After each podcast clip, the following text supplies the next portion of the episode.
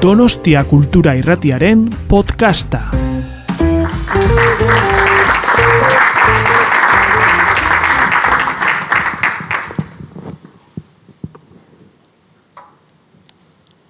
Kaixo, arratzaldeon guztioi. Eskerrak emanez eh, hasi nahiko nuke, eskerrak eh, lehenik eta behin guztioi etortzearren. Eskerrak baita ere balea zuria argitaletxeari gonbidatzearren. Eskerrak donostia kulturari hau antolatzearren. Eta eskerrak baita ere Ernest Juk kulturretxeari hau guzti hau ahalbidetzearren. Bueno, hemen dauzkat e, aldemenean bi euskal idazle aski ezagunak eta aurkezpenik beharrez dutenak, baina hala ere izenak esango ditut, men maixa zugazti eta itxaro borda, eta bueno, ni neu e, maite López Laseraz, eta hemen e, bildu gaitu ba, balea zuria argitaletxeak. E, poetak, idazleak, emakumeak eta, bueno, hemen, bodelerren e, berreungarren urte hurrena ospatzen, zuekin. Bueno, ba, gaitzaren loreak. Gaitzean, okerrean, txarrean, ondamenean, zikinean, loian, edertasuna ere loratzen dela erakusteko izan zuen ausardiagatik epaitu zuten Charles Baudelaire, mila zortzireun eta berrogeta amazazpian. Kalteak ederretik ere baduela adierazteko balentriagatik alegia. Gaitzetik, ederra den ura ateratzeak suposatzen duen zailtasuna askoz atsegingarriagoa zitzaiolako, hain justu. Ez aldua kaso ustak simaurra behar loratzeko, Ez aldugu ba elikagaien ondakina konposterako banatzen, ondoren berriro ere elikagai bihurtu eta geuk jateko. Ez alda lorategirik ederrena gorotzetik ozitzen. Ez aldira ba loreak gaztetzen euritan. Edertasuna izeneko poeman, bodelerrek, dio, poetek, eta hemen e, en, maixa zugazti eta itxaro borda, nik laga omen dudan doaineko mila ikertzen eta sakontzen horre emango dute bizitza artelan arroek jaso duten egiaren bila. Ez dut uste gaur eta hemen egia zer den asmatuko dugunik, baina e, egia dela ziurtatuko nuke edozein liburutegitan eduki beharreko klasiko baten aurrean gaudela gaitzaren loreaken lehen edizioa mila zortzireun da berrogeta amazazpian atera zuen.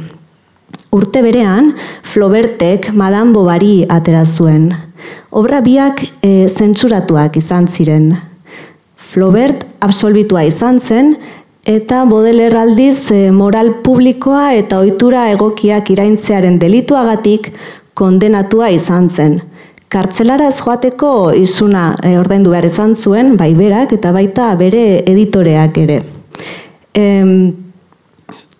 Geroago, bueno, sei poemak kendu zizkioten eta hogeta amabost berri sartu zituen.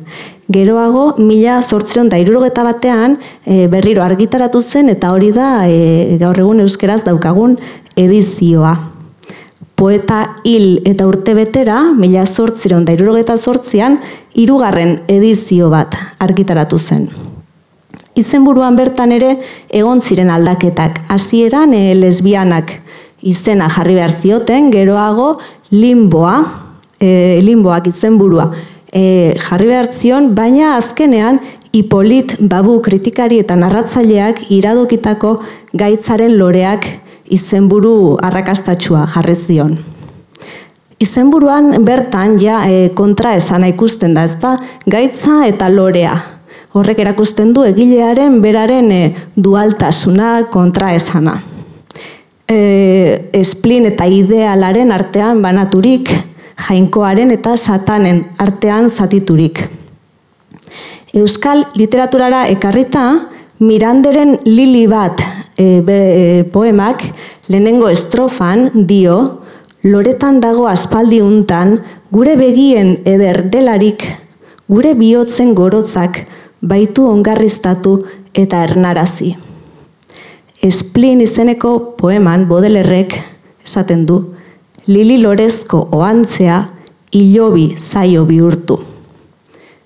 E, gaitzaren loreak liburua, Teofil Gotier maisu eta lagunari eskaintzen dizkio. E, letra frantsezetako maguari, mago perfektuari. Ta berak esaten du ze fleur maladiv edo lore gaixo hauek. Ze iruditzen zaizu maixa, egokia izendatzeko era hori? Gaixorik daudenak zer uste duzu, loreak direla? Ala ez alda izango gizartea salatzeko modu metaforiko bat? Bueno, nik en, lore gaixo berak eh, izenburuak eh, gogore ekartzen zidan eh, bodelerrek egite duen ederraren definizioa. Berak esate du ederraren definizioa aurkitu dut. Sukarra eta tristea den zerbait da.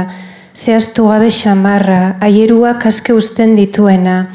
Eta ipatze ditu jarraian e, emakumeen e, eiten magikoak edo ederraren e, ederra sor dezaketenak eta hor e, beste batzuen artean aipatze du e, gaixo itxura, nekatu itxura, Eta iruditzen zait hori azpimarratzea ba, loreak e, suposatze duena obra honetan eta alde auskor hori edo gaixo itxura hori auldadea ba, nik nahiago dut beste, beste izenburua.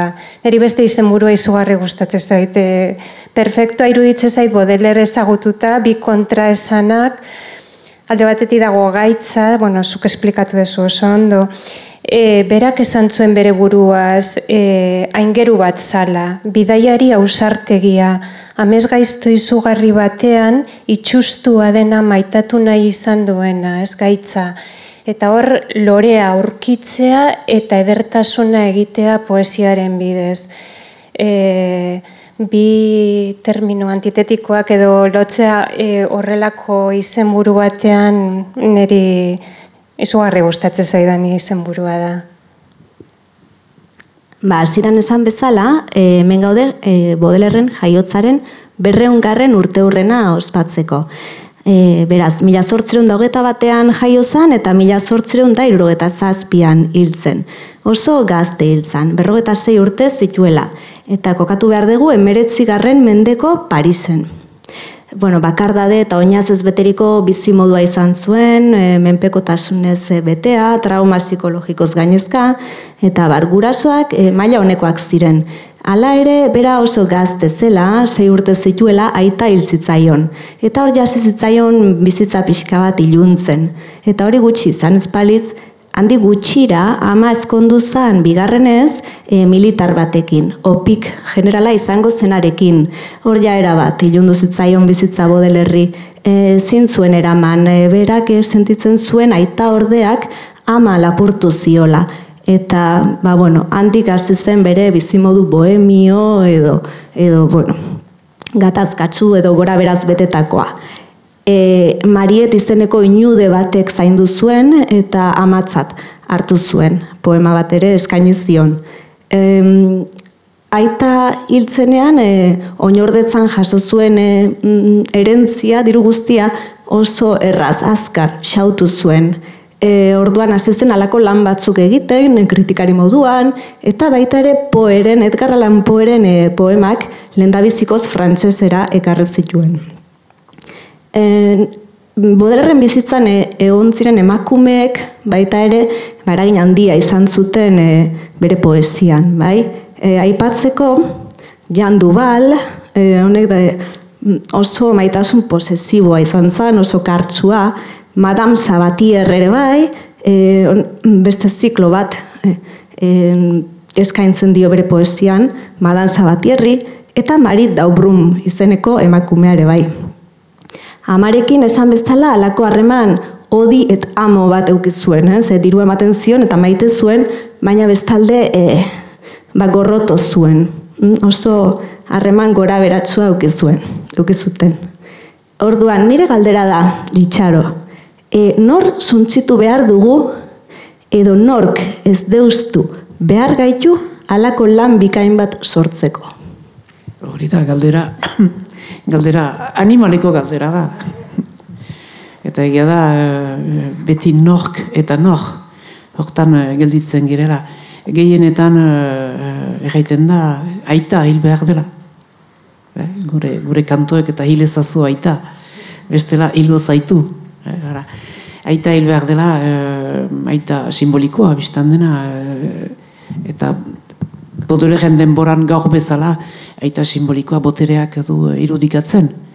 Eta Baudelairek e, hori zuen, helburua eta aita simboliko hori, e, eta gainerat soldadoa zen, ahmadako gizon bat, ordena, ordena berak, berak zeukan. Beraz, orden simboliko hori suntzitzea zuen, eta hortako e, Parisen, Parise pobre eta zikin eta urrindu hartan, eraman zuen bizitza eskandalos hori, eskorentzat ala zen. Eta hortik eh, ateratzen zituen poema ezagutzen ditugun horiek eh, graziaren eta eta eta pizu eh, handiaren artean eh, alako joan etorriak egiten zituztenak. Eta eh, nork eh, hil behar gaituen edo nork hil behar duen poema eh, hor ere eh, eh, eromantikoetarik dugu ideia hori poetak sufritu behar duela idazteko, poesia ona egiteko. E, beraz ikusten ditugu hainbat eta hainbat poeta e, kurutzifikatuak bezala ibiltzen han eta hemen eta idazten denbora berean beren e, makugari, beren zori gaitzari buruz eta uste dut hori ere biziki ongi egin duela bodolerek. E, Mainan, e, hori, hori alda, e, e, poesia idazteko motugetari, motuga, motur nagusia, sufritzea, hori beste, beste galdera bada. Eta hor, uh, erakusten du, eman dezagun lalbatroz poema hortan, erakusten du, uh, jendarteak uh, duela uh, hil nahi poeta. Eta horrek diola, uh, nola egan, sortzen alako sufrik gabe bat, uh, zenta poetak nahi luke egaldatu, baina zezel de géant l'empêche de marcher. Uh, bere hegal handiek uh, ibiltzea e, trabatzen diote. E, hor, e, betiko, betiko dikotomia da. E, sufritzen dut eta idazten dut, ez dut sufritzen eta ez dut idazten. Zer nahiago du poeta batek? Ara, e, aldare hortan, ze, ze sakrifikatzeko prest gira eta nor hiltzeko prest gira. betiko galdera da. Bai, galdera hori oso interesgarria eta sakona da, eta aurrera gogorako utziko dugu, ze badago horrelako galderaren bat. Nahi duzu albatros poema frantzesez irakurtzea? Bai, bai, bai. Bai, eginen dut. Ekarri dut uh, uh, gure eskola denboran ginuen liburua.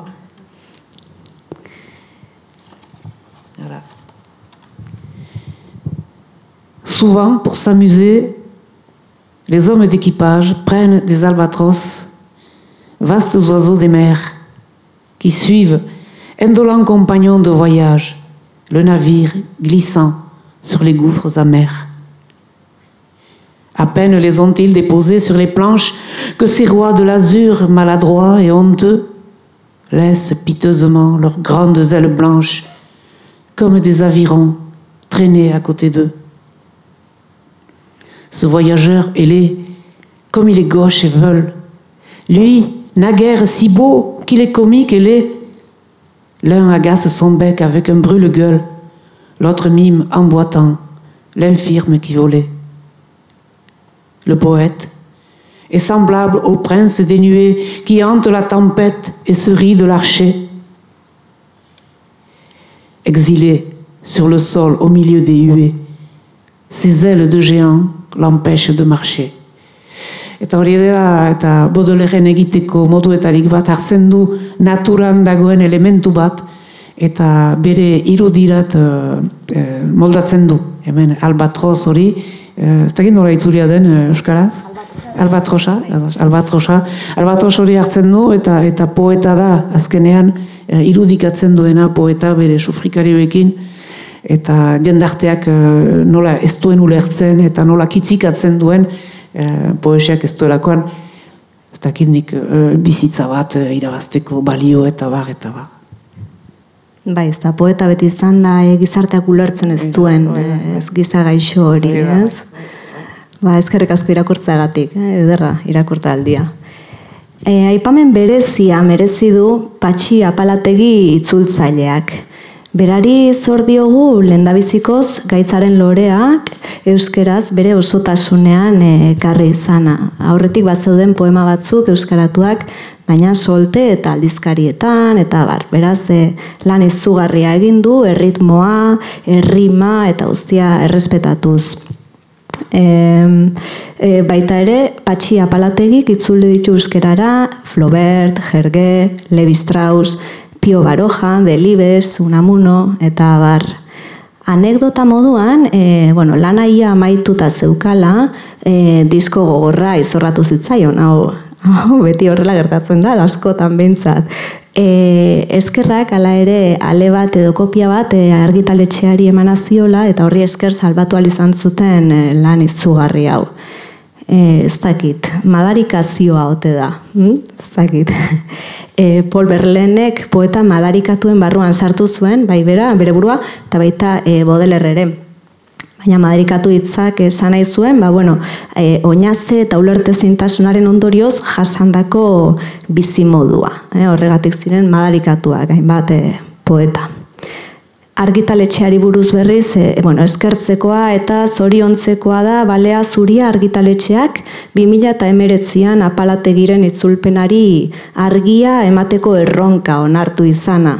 Edizio elebiduna itzulpena bezain bikaina eta zaindua da. Azaletik mamira, ezurretik aragira. Eta hori maixa, ze uste dezu, merezi aldu norbere burua suntzitzea eta mina pairatzea literaturako leyenda bilakatzearen truk.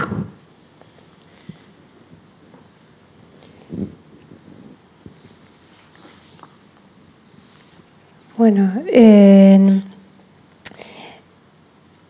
artearen munduan nik uste da jende askok bere burua suntzitu duela, e, bai musikan edo bai e, margoetan, e, ez dut uste aukeratze dutenik.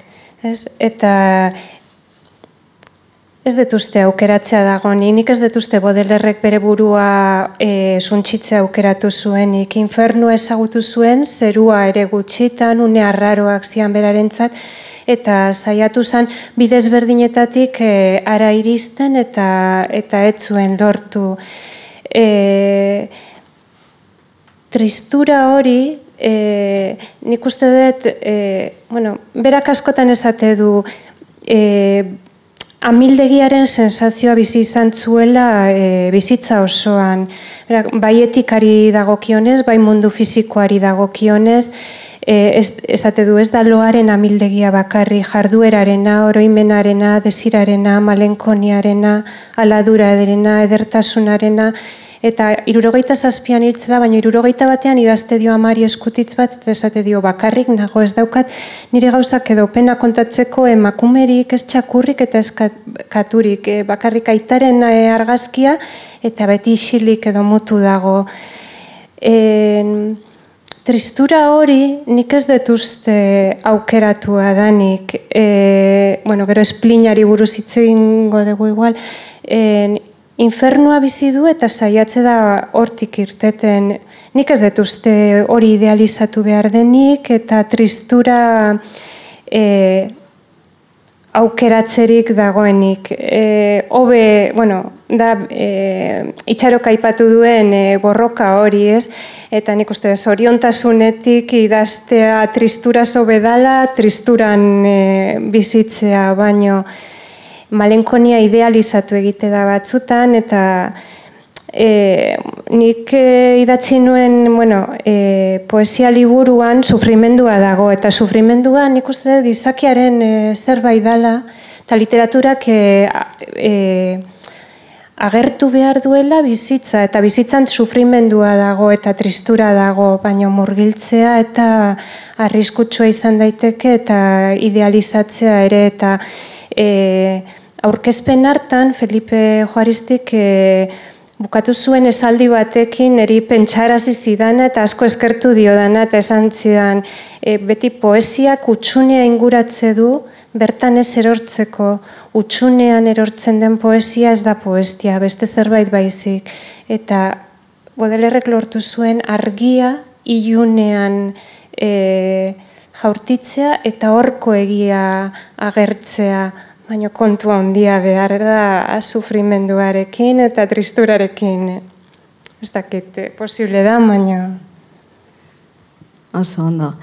E, Bodeler horretaz gain, esan dugunaz guztiaz gain, e, lehen poeta simbolistatzat hartu izan da. E, egile simbolismo, e, simbolismoko egileak dira, ba, Rimbaud, Berlen, e, Stefan Mallarme eta beste hainbat. Hola, labur esan da, simbolistantzako, ba, bueno, mundu errealetik arago, ba, zegoen beste mundu bat, hitzek e, zintzutena adirazi, simboloek baizik. E, eta, bueno, asko zere errealagoa zena. E, hortik sortzen da elkarrekikoen teoria. Elkarrekikoak poema da lehenengo testu simbolikoa. E, ba hori, e, mundu fisiko eta hautemangarriaren atzean beste mundu bat ezkutatzen da, ideiena, ezta? idealarena. Mm, ba, bueno, gai hori sarritan agertuko da Bodelerren e, obran zehar, gizona eta itxasoa, faroak, monje baldatza eta bar. E, Bodeler ulertzeko hitz gako batzuk aipatuko nituzke, eta da bohemioa, e, flaner, e, sadikoa, satanikoa, madarikatua, dandia, Eta hemen geldiune bat egin nahiko nuke eta dandismoaren inguruan jardun. Eta gora datorkit e, Amelino Tom e, idazle belgiarrak esaten du Petronil izeneko eleberrian jakina da letren munduan proletarioak ez daukala aukerarik. Eta hau bat interesgarria iruditzen zait. Dandismoarekin e, loturik, bodelerrentzat, lana momifikaturiko arimak kontserbatzen dituen e, gatza zen. Dezente gorrotagarria zen zerbait alegia. Ordu, nere galdera. Itxaro. Ogibide bat eduki eta sortzaile izatea bateragarriak direla uste alduzu. Hiru bersotan. um, Bodolegen arabera ez, bena Bodoleg uh, burges bat zen, burges ondo bat, egiten den bezala, e, nahiz eta erentzia ukan eta bere ala gastatu zuen, bere, justuki bere poesiaren e, hasteko, bere poesiari haskurria emateko, e, bara Paris aldatzen ari zen Parise hortan, Hausmanen, uh, Hausman arkitektoaren uh, Parise hortan, dena, dena, dena suntzitzen zuten eta dena berria egiten, orain ezagutzen dugun Parise handi hori, bere parke, bere baratze eta horiekin guziekin. Beraz, uh, ara, berak eh, behar bada, uh, ez zuen baitez bada lana, lana uh, behar ezkoa senditzen. Ara, berak, bere, uh, ez zen jende txikietarik. Eta behar da, ikusi Parise oktarat, etortzen zirela Frantzia guzitik, uh, nekezal mundutik, kanporatu besoak, besoak eta sabelak. Eta horiek bete behar zuten. Eta horiek bizi ziren Parise ipagalde hortan e, etxe txiruetan. Eta ez dugu irudikatzen, mena berandu arte, bigarren mundu gerla e, mila behatzion eta irurgoi urte arte Parise inguruan e, txabolak izan dira. Ara, eraiteko, e, urrun girela e, Bodelerek eta ondoko poeta simbolistek eta e, surrealistek ere e, deskribitzen daukuten Paris e, ideal hortarik. Gero, biak batera gari direnez, uh, uste dut uh, baietz, ni proletargo izan ez. uh, laborantza mundutik, uh, uh, nola egan, hirirat, uh, joan behar izan duen uh, adibide bat naiz, ara, exodio ruralaren produktu bat, eta uh, ez badugu, ez badugu kan uh, senarrik, senar dirudunik, eta batzuen kasuan senar bat uh, ezkontzea ez da, ez da hain egisa. Uh, izan daiteke emaztea ere, eh? Diruduna gure kasuetan ezin da, edo mesenaz bat edo edo, edo egentzia bat, bai uste dut uh, lan egiteak e, libertate zerbait emait, emaiten ahaldiola sorkuntzari. Sorkuntza e, bideratzen ahalduela.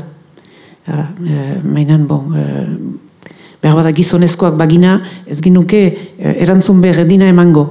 E, baina hemen gira, gerota gehiago e, Europan eta eta munduan bagna e, emazte idazleak, eta gehienetan behar dugu lan egin, edo, edo irakaskuntzan, edo, edo, edo, edo kasetaritzan, edo bara, hainbat bide e, lotuak direnak e, idazketarekin eta bodolerek berak itzulpen gintzak egiten zituen, itzulpenak egiten zituen, artikuluak, liburu kritikak, eta nolaz bait berak ere e, lan intelektuala egiten zuen, eta horren, horren aurka ez zegoen.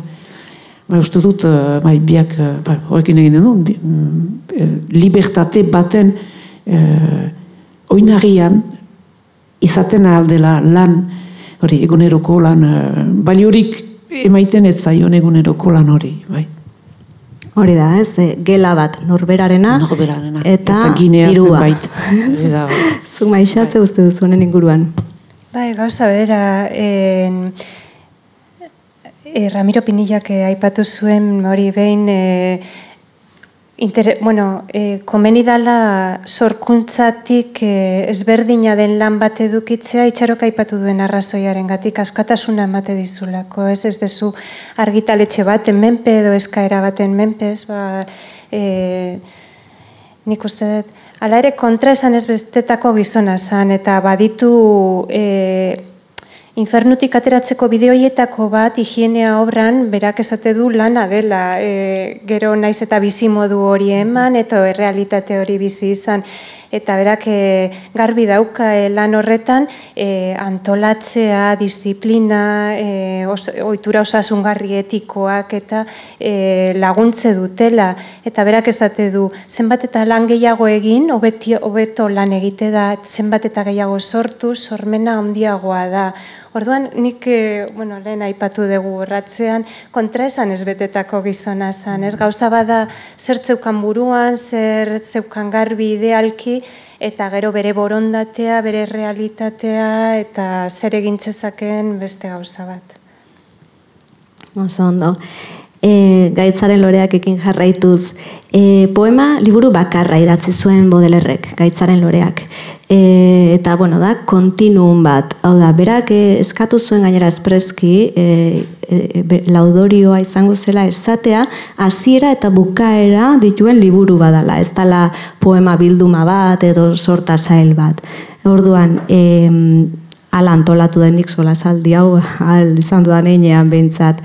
Ordan, lehenengo poema, gaitzaren loreak irekitzen duen lehendabiziko poema da irakurleari, eta azken azkena da bidaia irakurleari poemako e, azken bertsolerroak dio, bai, zuk ere ezagutzen duzu munstrofina lagun, neuk legez irakurlea naia, kide hipokrita. Hemen e, termino asko daude, bueno, jardungo genuke luz eta zabal honen inguruan, munstrofina laguna naia hipokrita, e, baina aurrera ingo dugu. Bidaia azkeneko poemako azken estrofako, azken bertzolerroak, dira oso zaunak, erio kapitain zarra, guazen, jasoa ingura, eta pixka berago, jo ondora ez ezagunean bilatzen berria. Esplina, eh, edo tedium bita, eh, edo, bueno, esplin greko zesmedu barea. Eta entzinako grekoen ustez, ba, barean sortze ziren gizakien asperdura eta tristura. E, barea, eh, filosofiaren historian e, zehar tristura tratatzeko hainbat eh, modu egon ziren. Aristotelesek adibidez sormenarekin lotzen zuen, Heideggerrek aspertzearekin, Spinozak geureko ikeriarekin, e, Santo Tomasek bizio eta bekatuekin. Geauton timoru menos poeman, e, esaten du bodelerrek, neu naiz zauria eta neu naiz aiztoa neu naiz nire odolaren vampiroa. Ordun, itxaro, zerekin lotuko zenuke tristura? Sortzeko beharrezko alda malenkonia, tristurak plazera ematen aldu. Iduriz bai, eh, irakurtzen bari badugu uh, bodoleren uh, obra hori. e, tristura, malenkonia, splin hori e, bere idazkeraren motorretarik bat izan da. Jakitea da, e, tristura hori edo splin hori e, pertsonala eta individuala zen, ala kolektiboa. E, egan dugu, Parise e, e, alderik alde aldatzen zen mm, baten kontekstuan idatziak izan direla e, poema horiek, beraz behar bada, splina, e, barearen, e, barearen e, eragina, malenkonia e, partekatua zen eta kolektiboa, eta bereziki burgesiaren baitan, segur aski, e, beraiek zirelako Parise aldaket, aldatzearen e, eramaileak, eta beraiek zirelako ere e, aintzineko Parise hortaz nostalgia zerbait ere egiten zutenak.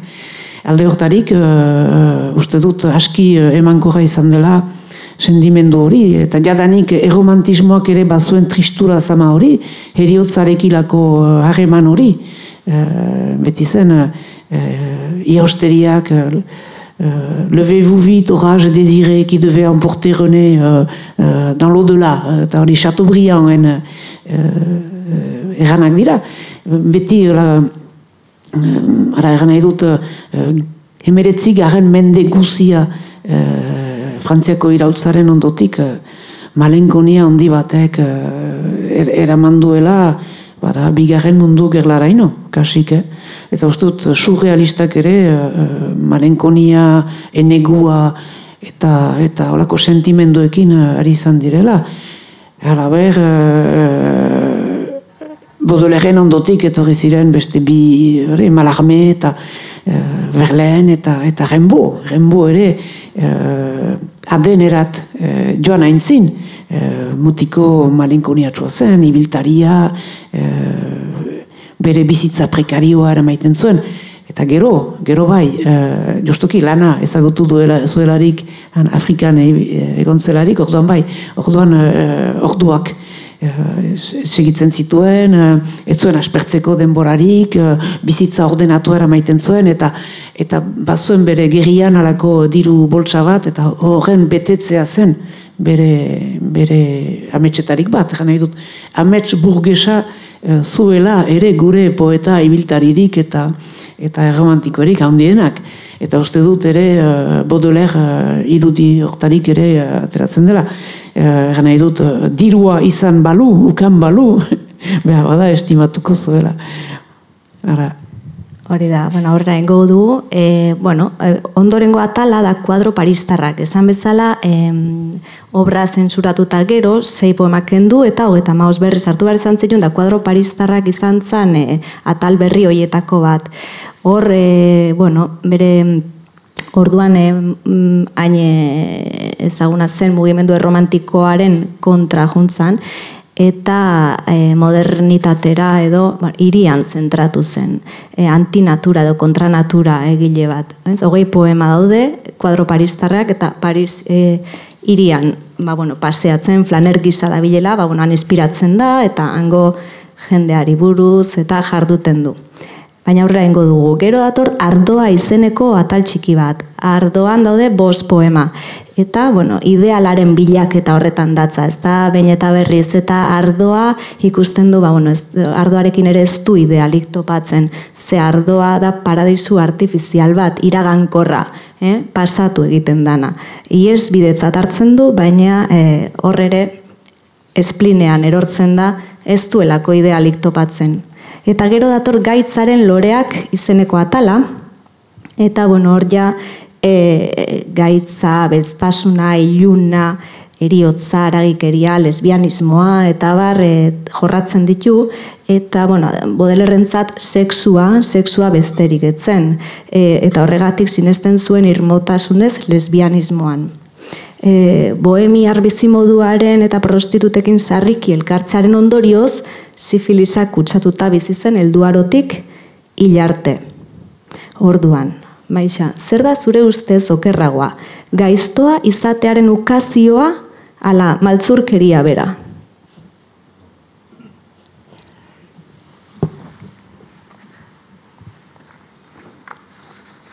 Bueno, e, nik oso buru obsesiboa daukat, eta hori bizitzeko infernoa izan daiteke, idazle izateko batzutan opari bat ere, bueltak eta bueltak, eta gaitza eta gaizkian ere nire obsesioetako, obsesioetako bat izan da. E, oso gai komplexua eruditzen zait, hiru novela eskaini dizkiot eta poemak eta badago gaitzki bat ezin, ezin dudana ulertu. E, zuk aipatu dituzu e, gaizkiaren ukazioa e, konstientea denean ikuste dut maltzurkeriaren zati badela e, egia da gizaki aula dela eta ba, jana jarenten e, ideia, ideia hoiek e, ez dakit, nik uste dut gaizkiaren e, maltzurkeriaren e, ezberdinak daudela eta ulergarria izan daiteke konstiente ez den bat ez justifikatua baino askotan auldadea eta beldurraren eta gauz askoren ondorio da. Ez da galdera bat ere erresa, eh? Ez, Hor pixka maltzurra izan nahi. Gero dator errebolta izeneko beste atal bat, hiru poema dituena, eta, bueno, hor jainkoaren aurka egiten du. E, San Pedroren ukazioa, abeletakain, satanen letaniak, horregatik lotu izan da bodeler askotan satanismoarekin. Baina, bueno, bera izatez e, katolikoa zen, eta satanismoarekin lotzeak ez du esan nahi e, satanikoa zenik, baizik eta erligioarekiko zuen e, jarrera ez konformista bat. E, satanen letaniak poeman, bodelerrek, deabruaren irudia gora ipatzen du. Ari egiten dio otoitz jainkoari beharrean. Beraz, ona ez alda benetan satan izango? ona, satan. Mm, bai, bariteke, bai, bai, bereziki literaturan erabiltzeko. Eh, literaturarako eh, gaitza, maltzorkeria, beldura, satanismoa denak dira onak. Eta horrek, eh, horien bidez erakusten baita gizaki edo jende izaeraren ambiguitate hori, kompleksutasun hori. Bestela, uh, uste du hilkek egiten zuela, gauzak ongi doazelarik ez idatzi poemarik. E, poeta gazteari gutuna hortan, eh? E, maite mindua zirelarik ez idatzi poemarik.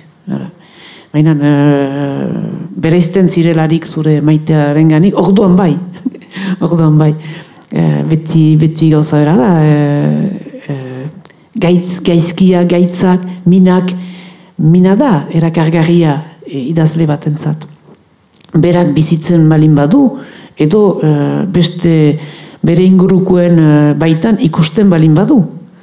E, idazlearen zat e, gauza e, ikaragarria da, edo zoin kasutan ni pertsona hori erabiltzea. Ni naizelarik, edo ni ez naizelarik ere. ni zu naizelarik, ni naiz.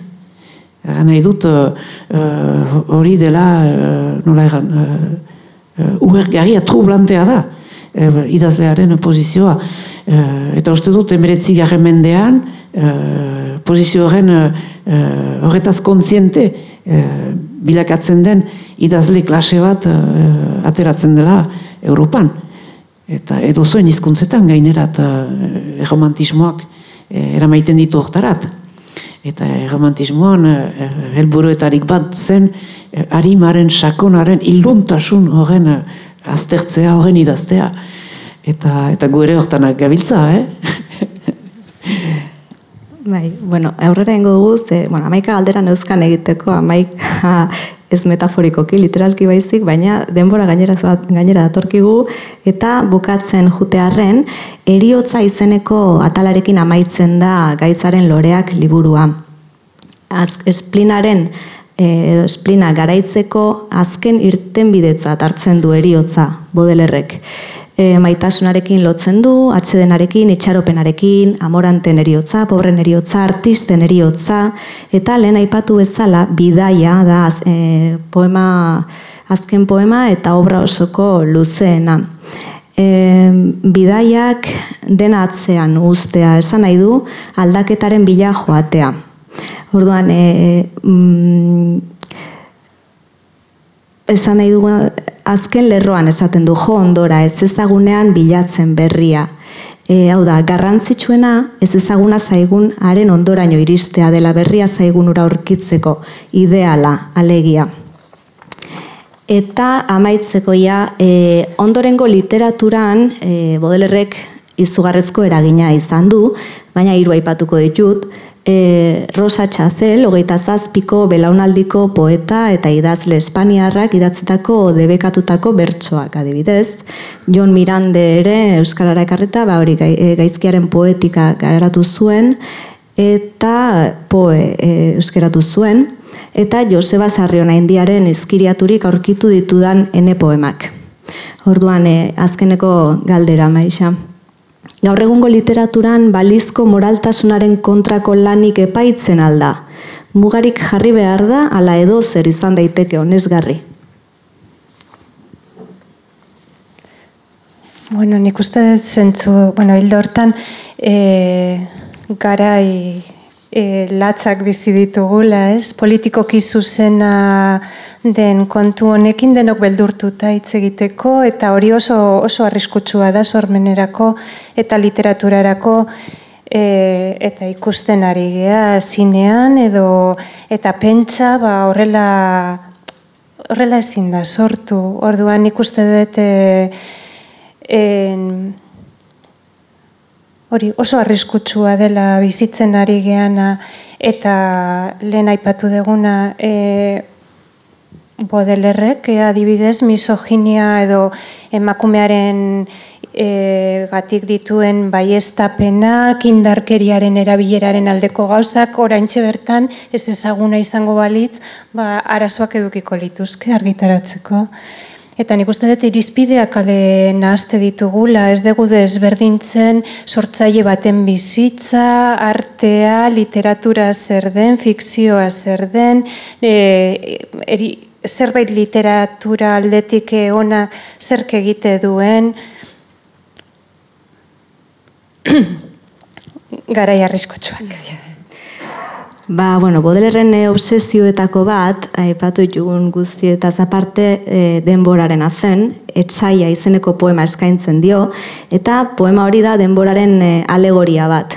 E, denborak gure bizia jaten du. Denbora odol jarioa xurgatzen ari zaigun etsaia dela esaten du urrengo poeman balbea edo suerte txarra, esaten du, luzea da artea, laburra denbora, Hipokratesen ars longa bita brevis gogorakarriz.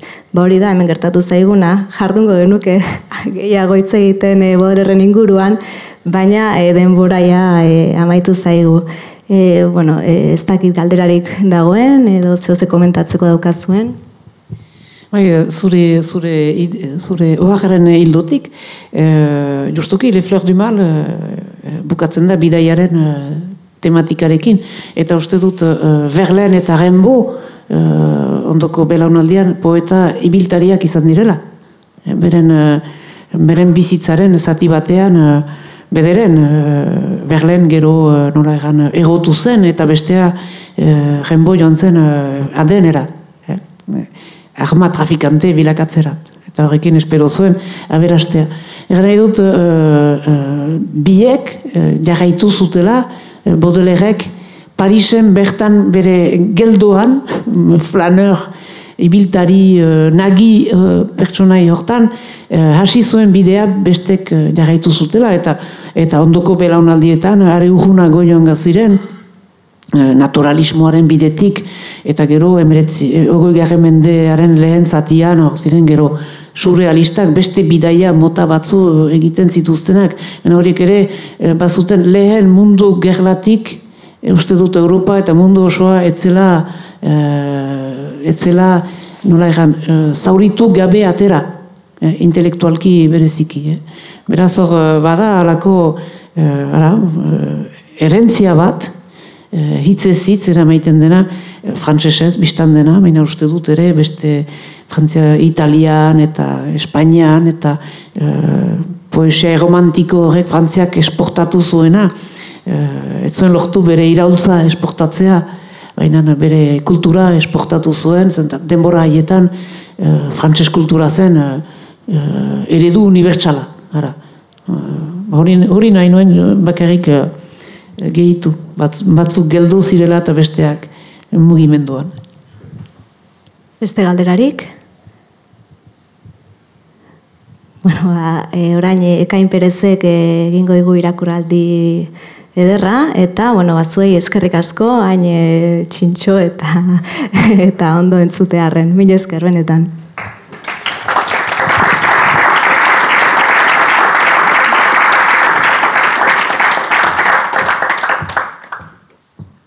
Kaixo, Arratxaldeon.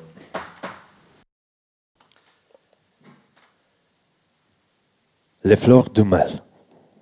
Irurogeita amasei. Splin. Mila urte banu baino oroipen gehiago daukat. Balantze, poema, gutun kutxunak, altzarien hautsak. Hauziak iriz eta erromantzaz betetako kutsak. Txartel gutunez bilduta, ilexer lotxikorda puntxak. Denek ere, ez dute nire garunak bat sekretu. Piramidea da, tomba da, ondorantz ezin lehertu. Obi komuna ez da inbeste hildakoren babes. Ilargiak iguinduen hilerrian dolu gabez. Damumin gisako arluzeak errestan hor dabiltza. Beti nire defuntukutunenei seta zausikika. Aspaldiko damagela naiz, arrosa zimelez konpli. Alde guztietatik moda zaharrez gainezka noski pastel pinturak eta buxer margulak salbu eginda. Horrez du inork hartzen, flasko zaharren perfume mina. Nire egun errenak bezain luzerik ez dago ezer. Iraun da iraun, urtetako elurren zamari esker. Zeren, asperrak, jakin nahiezaren fruitu garratzak, atzeman baititu, eternoaren proportziolatzak. Niretzat jadanik ez zara, ene materia bizia. Granitoa baino, izutasun laino batez jantzia. Nonbaiteko saharako ondar lanbrotan lokartua. Mundu soraioak utzitako esfinge hartua. Mapan, ahantzirik, zure umore zaputzak jada. Ezin baitu, kantatu, sartze arden ekia ez bada. Gaitzaren loreak, kuadro paristarrak. Parean pasetako emazte bati, laurogeita mairu. Kale zaratan garrasia zebilen inguruka, lirain, saminaren dotorezia doluz jantzita. Emazte bat, gona barrena eskutik esekita, pasazen, tolestura parpaila zuela kulunka. Bizkor, estatua zangoa nobleki markatua. Nik txora-txora eginda, tinkiaren begizartan. Ekaitza lehertu berri zuen zeru zurbilartan. Gozamena, erio plazera nuen dastatua.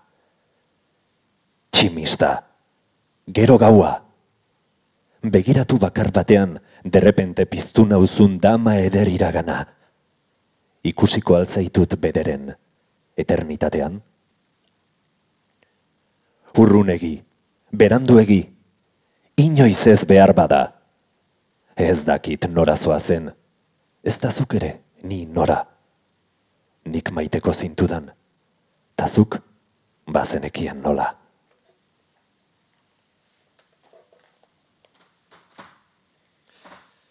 Gaitzaren loreak, eunda bederatzi, suntxiketa. itzulinguruka dabilkit deabrua birundan, airea bezala irabiatzen da nire biran.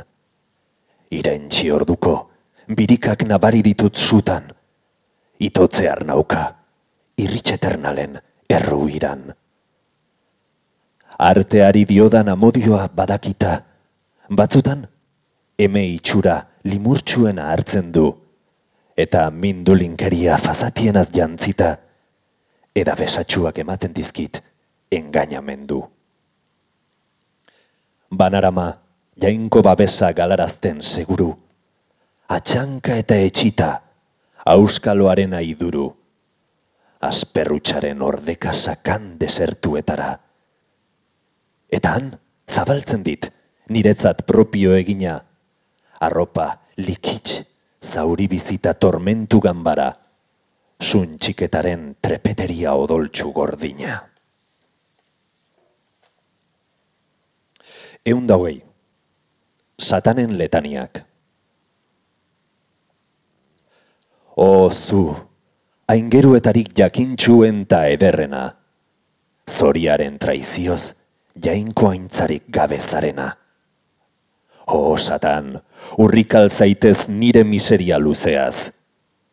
Utsa egin dizute, deserriko printzea. Zu kordea, bentzuturik ere, irmo mantentzen duzu, ohorea. O satan, urrikal zaitez nire miseria luzeaz.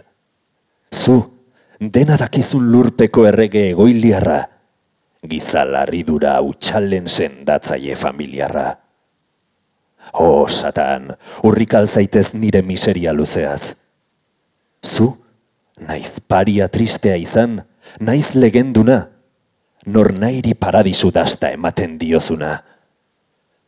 O, satan, urrikal zaitez nire miseria luzeaz. Zu, erioren gan, zure amorante zahar galanta, zuker narazi baituzu esperantza txolin xarmanta. Oh, satan, urrikal zaitez nire miseria luzeaz. Zu, kondenantuari, demozuna, sonare arroa, urkabe gainetik medarikatzeko herri osoa. Oh, satan, urrikal zaitez nire miseria luzeaz. Zu, ongi jakinda mundu biribileko zein kantoitan gorde dituen bitxiak jainkoak, bekaitz berekoitan. O satan, urrikal zaitez, nire miseria luzeaz. Zu, metal preziatuen abia lodatzan zokoa, betidanik baituzu begixorrotzez, xero joa. O satan, urrikal zaitez nire miseria luzeaz. Zu, teiatuko ertzean loi bilian doan horri, esku zabalaz erroitza eskutatzen diozun hori. Oh, satan, urrikal zaitez nire miseria luzeaz. Zu, gau pasako mozkorren ezurtzarrak magikoki, ferrak zolan jotzean malgutzen dituzuna egoki. Oh, satan, urrikal zaitez nire miseria luzeaz.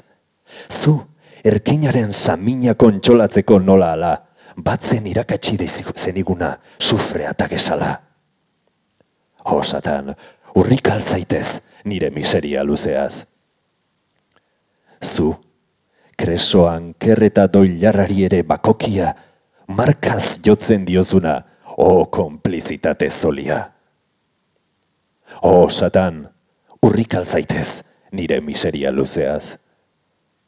Zu, neskaren begibihotzetan zauriaren kultua, ta trapu zaharren amodioa pizten dituzuna. Oh, satan, urrikal zaitez nire miseria luzeaz. Atzetuen makulua, ikerleen profesorea, urkatuen eta konspiratzaileen konfesorea. Oh, satan, urrikal zaitez nire miseria luzeaz. Aita jainkoak, aserre beltzez mundutik erauzteko, paradisutik jaurtitako guztien aita ponteko. Oh, satan, urrikal zaitez, nire miseria luzeaz.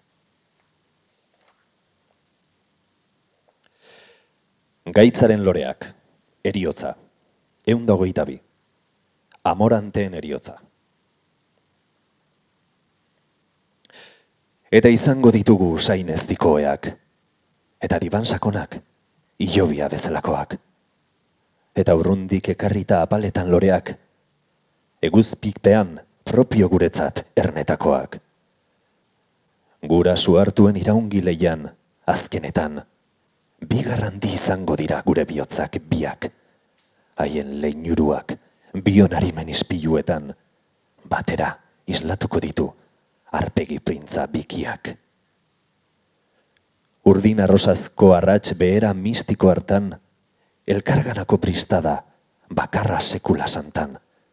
Adioz kargatuko da, negarzotin luzealez.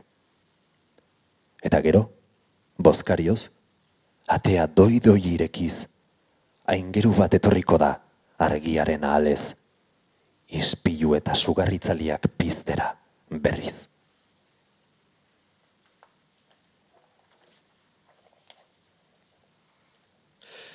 Gaitzaren loreak, pieza kondenatuak, lesbos, bi.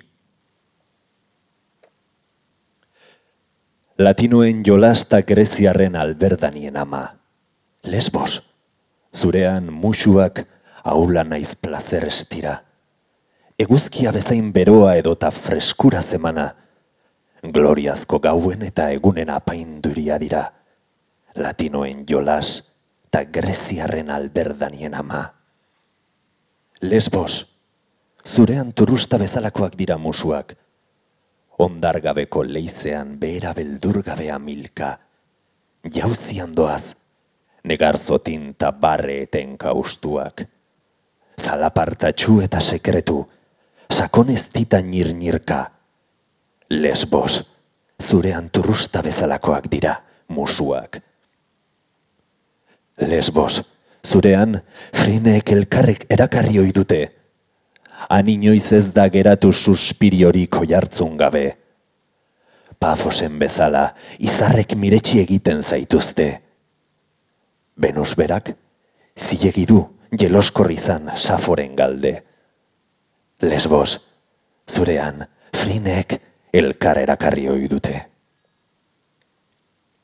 Lesbos, auleriak jotako gau beroen lurraldea.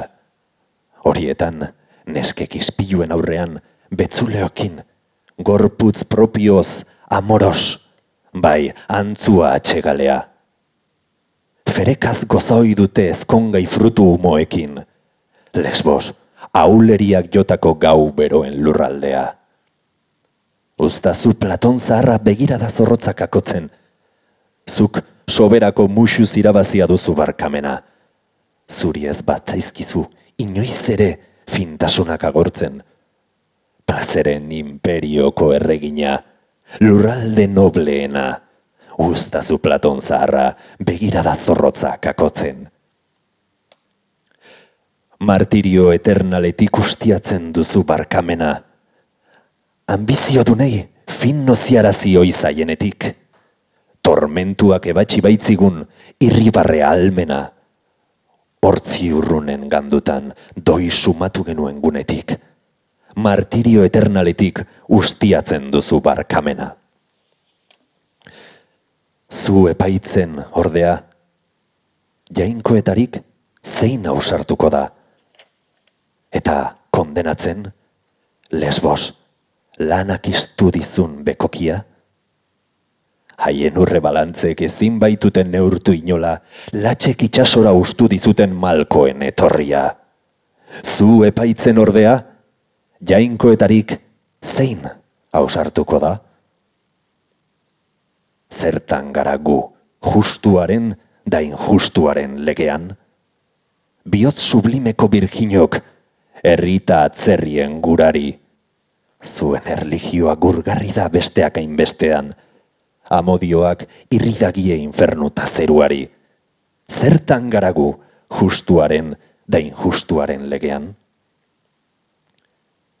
Zeren lesbosek berak hautatu baina guztien artean, lore-loreko bere birginen sekretua kantatzeko, eta barrez zorotan egar latzen misterio beltzean, jakitun partaide hartu hain ninduten haurtzaro ezkero, zeren lesbosek berak hautatu bain hau goztien artean. Eta geroztik, leukade tontorrean nauzu zelataka, nola plantatzen den begitinko zorrotzeko zentinela, gau eta egun barrandan, brika, tartana, alafragata, ote den itxasostertzean urrun dardaraz dabilena, eta geroztik, leukade tontorrean nauzu zelataka jakiteko ea itxasoa zintzo den. ta samurbera. Eta zotinen oihartzuna egiten duen arkaitzean, ea dakarren lesbosera emana baitio barkamena. Saforen iotza adoratua, joan baitzen partitzean, jakiteko eta itsasoa zintzo den, ta samurbera. Safo emazte harrarena, amorante poetarena, Venus baino ederragoa da bere tristura zurbilean. Begi beltzak bentzutu du begi urdina, saminarena. Biltzean minduraren zirkulu pikardatu goibelean, safo emazte harrarena, amorante poetarena. Venus edera mundu gainean zutik baino arroago. Bere sosegu emaria isurtzen urdin zabalera. Eta gaztetasun dirdai orai judistiratzen oparo, alaba liluragarriaren ozeano zaharrera. Venus ederra mundu gainean zutik baino arroago. Bere biraoaren egun berean hiltzen saforena. Orduan, sasi herritota kultuaren laido dongetan, bere gorputz ederra baitzuen egin bazka bikainena, piztiarentzat arkarrotasunez iraina zigorzezan, bere biraoaren egun berean hiltzen saforena. Eta ordudanik, lesbos beti erean hauen dari da. Eta arbuiatuz unibertso osoaren oreak, itxas labar mortuetako ekaitzez gauero ordi da, beti garrasika, zeruari eskaintzeko deitoreak. Eta ordudanik, lesbos beti erean hauen da.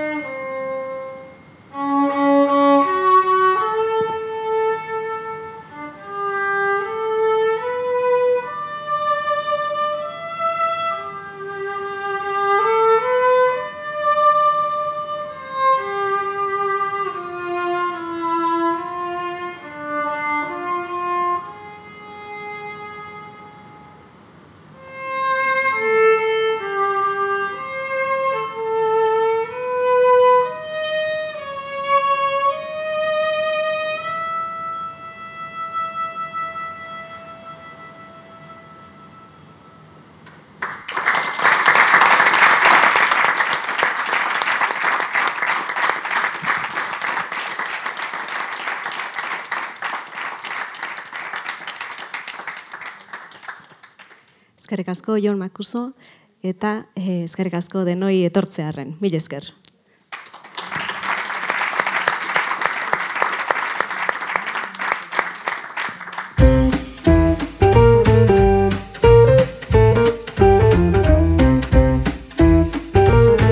Donostia Kultura Irratiaren podcasta.